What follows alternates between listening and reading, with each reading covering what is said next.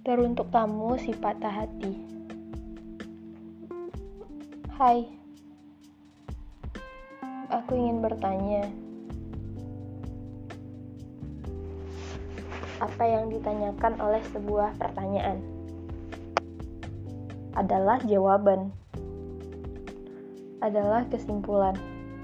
Maka, saat kau bertanya apakah dia jodohmu, Lalu faktanya dia bersama orang lain, terjawablah sudah bahwa dia bukan untukmu. Selesai sampai di sana tak perlu ada drama lagi bukan? Dan berbesar hatilah, berlapang dadalah pada jawaban yang tak sesuai keinginan. Sungguh, tak kalah takdir mematahkan cintamu, itu cara Tuhan untuk menumbuhkan kedewasaanmu pun ketika seseorang merobek hatimu, itu cara Tuhan untuk menyusupkan kebaikan buat kamu.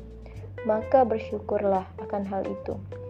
Bukan malah meratap, bukan malah menggalau.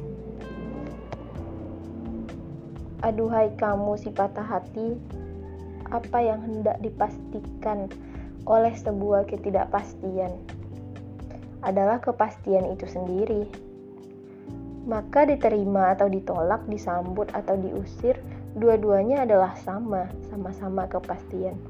Jadi apa masalahnya? Apa problemnya? Bukankah dengan adanya kejelasan kamu tak perlu lagi capek menerka-nerka, lelah menebak-nebak atau sibuk membongkar teka-teki yang tak kunjung terpecahkan? Ya, disebabkan kepastian dari dirinya baik berupa anggukan maupun gelengan, maka merdekalah dirimu dari ketidakjelasan yang selama ini menjajah hari-harimu. Maka terbebaslah segala kecemasan yang selama ini memenjarakan kebahagiaanmu.